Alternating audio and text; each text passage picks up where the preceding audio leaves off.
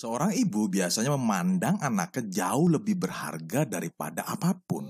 Membantu anaknya memperoleh kemajuan kehidupan anaknya, baginya nih jauh lebih berharga dibandingkan dengan dirinya sendiri. Halo guys, selamat datang di podcast Inspirasi Growing ya guys. Apakah lu pernah dalam hidup lu selalu timbul kegelisahan atau ketidakpuasan secara terus-menerus? Entah dari hasil pekerjaan lu atau hasil dari bisnis lu. Apakah itu masalah buat lu guys? Jawabannya di podcast ini ya guys, gue akan berbagi inspirasi dan bagaimana kekuatan bersyukur membantu mengurangi kegelisahan lo. Dan ini pun berdasarkan penelitian yang ada. Yuk kita simak podcast ini sampai tuntas ya guys. Leadership is fun.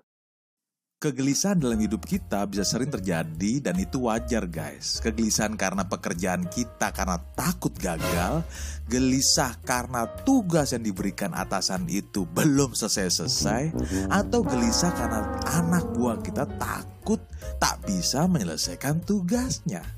Atau kita gelisah apakah bisnis kita berhasil atau tidak? Nah, bagian dari proses guys. Namun, jika kita terus-menerus dan tidak berkesudahan kegelisahan lu guys. Nah, itu jadi pertanyaan besar buat kita guys. Salah satu contoh nilai positif dalam hidup kita adalah bersyukur. Mengapa itu bersyukur, bro? Nah, gini guys.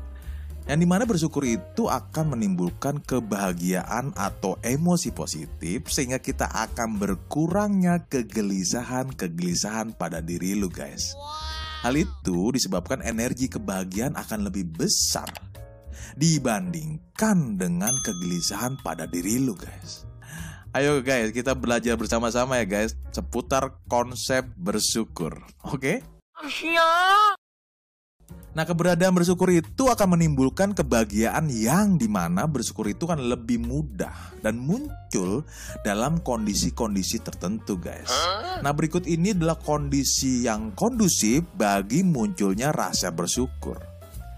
Berbagai penelitian ilmiah membuktikan bahwa efek bersyukur sangat baik bagi kesehatan mental dan kesehatan fisik dan sangat efektif untuk mententramkan batin dan juga menangkal berbagai kekecewaan serta kepahitan. Nah, kata bahasa kerennya mental health. Oh, oke. Okay? Berikut ini beberapa persepsi mengenai rasa bersyukur. Bahwasannya karakter perbuatan baik akan membangkitkan rasa bersyukur, guys. Iya, iya, iya, iya, iya. Sehingga kita akan bisa paham konsep bersyukur ini Nah ini gue kutip dari buku psikologi positif karangan dari Iman Setiadi Arif guys. Dan ini buku ini sangat menarik dan ini bagi gue semoga buku ini bermanfaat ya guys buat lo pada. Oke? Okay? Nah persepsi yang pertama yaitu akan adanya niat yang baik. Persepsi yang kedua bahwa suatu perbuatan baik itu tidak akan dengan mudah dilakukan. Persepsi yang ketiga, pemberian adalah hal yang bernilai tinggi bagi diri kita. Persepsi yang keempat bahwa si pemberi telah memberi atau menolong bukan sekedar karena kewajiban. Oke, biar lebih jelas lagi kita kupas persepsi-persepsi tersebut ya guys. Tentunya satu-satu kita kupas ya guys. Oke kita masuk. Yang pertama persepsi perbuatan baik karena adanya niat baik. Nah ini pendapat dari peneliti yang bernama Heather di tahun 1958. Jadi gini guys, orang lain untuk berbuat baik pada diri kita bila mana kita memiliki persepsi bahwa seseorang telah memiliki niat baik yang tulus untuk memberikan kebaikan atau cinta atau kasih sayang kadang niat baik saja terkadang sudah cukup membangkitkan rasa bersyukur dalam diri kita guys. Hey, that's pretty good. Sekalipun misalnya pemberian orang lain tidak sampai terlaksana atau bahkan tidak terlaksana dengan sempurna guys. Nah ini menarik guys. Nah, sebaliknya kalau perbuatan baik orang lain dilakukan karena kebetulan atau niat baiknya tidak terbaca dengan keliru. Misal terkesan tidak tulus atau terpaksa, malah akan timbulnya kesalahpahaman, guys. Nah, yuk kita ambil contoh nih ya biar lebih jelas. Jadi gini, jika seorang suami memiliki persepsi bahwa istrinya telah berusaha keras menyiapkan makan malam istimewanya demi menyambut hari ulang tahun pernikahan mereka, guys. Tetapi nih guys, karena sesuatu hal acara makan malam itu gagal. Namun karena si suami menangkap intensi tulus dari sang istrinya, walaupun makan malamnya gagal, tetapi suami tetap merasakan bersyukur dari istrinya. Nah, ini menarik ya guys. Oke. Yang kedua, persepsi perbuatan baik itu tidaklah dengan mudah dilakukan guys, melainkan membutuhkan pengorbanan dari si pemberi. Ini pendapat peneliti yang bernama Makala di tahun 2001 guys. Nah ketika kita memiliki persepsi bahwa suatu perbuatan baik itu dilakukan dengan sangat mudah oleh si pemberi atau tidak membutuhkan pengorbanan darinya, biasanya nih guys, oke, okay? tolong perhatikan ya guys, Biasa nih, rasa bersyukur tidak begitu tergerak guys. Contoh nih ya, biar lu lebih jelas, oke? Okay?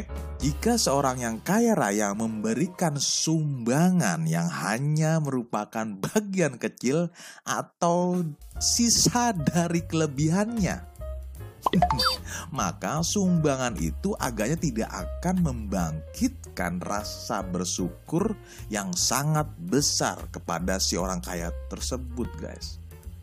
Namun, seseorang memberikan sesuatu yang bagi dirinya sangat-sangat bernilai yang tidak mudah diperoleh, maka pemberian itu adalah suatu pengorbanan yang memicu rasa syukur yang besar, guys. Seperti contoh video yang pernah kita bahas, yaitu seorang nenek pemulung memberikan sapi kurban senilai 10 juta rupiah. Nah, lo bisa lihat di link yang di atas ya guys. Pastinya akan gua kasih link tersebut. Bagaimana perjuangan nenek pemulung memberikan nilai yang sangat besar kepada orang lain dengan segala keterbatasannya guys. Yang ketiga adalah hal yang bernilai tinggi bagi diri kita.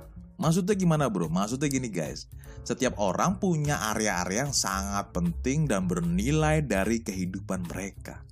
Nah, area-area kehidupan ini atau area-area kehidupan itu akan memiliki makna emosional yang besar bagi mereka guys.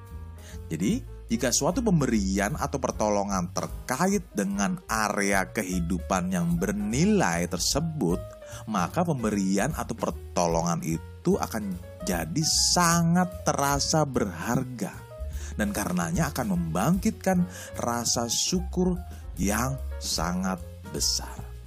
Misalnya apa nih Gung? Misalnya gini guys, seorang ibu biasanya memandang anaknya jauh lebih berharga daripada apa pun guys. Termasuk dirinya sendiri. Untuk itu pemberian atau pertolongan yang dapat dapat menyelamatkan anaknya dari bahaya atau membantu anaknya memperoleh kemajuan kehidupan anaknya guys. Bagian ini jauh-jauh lebih berharga dibandingkan dirinya sendiri. Sebagai pemberian atau pertolongan yang membuat si ibu mungkin bisa lebih cantik atau lebih menarik dirinya. Nah itu itu adalah suatu ungkapan cinta terhadap anak. Yang keempat, persepsi bahwa si pemberi telah memberi atau menolong bukan sekedar karena kewajiban. Atau si pemberi telah memberi melebihi kewajibannya guys. Nah ini pendapat peneliti yang bernama Emans di tahun 2000. Kalau seseorang nih memiliki persepsi bahwa pemberian atau pertolongan yang diberikannya hanya merupakan kewajiban si pemberi. Nah, yang menarik nih guys, maka umumnya nih guys, ia tidak akan merasakan bersyukur kepada dirinya sendiri guys. Alias nih hatinya datar-datar aja guys. Nah, contoh nih ilustrasinya guys. Banyak anak memiliki persepsi yang keliru bahwa memang sudah kewajiban orang tua untuk memenuhi kebutuhan anak-anaknya. Sombong amat. Nah, sehingga pemenuhan kebutuhan itu tidak akan membangkitkan rasa syukur kepada si anak.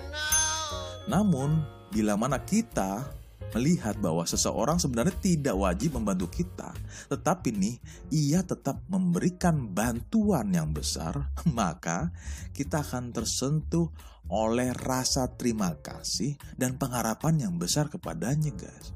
Entah itu dari orang yang tidak kenal ataupun dari sang pencipta.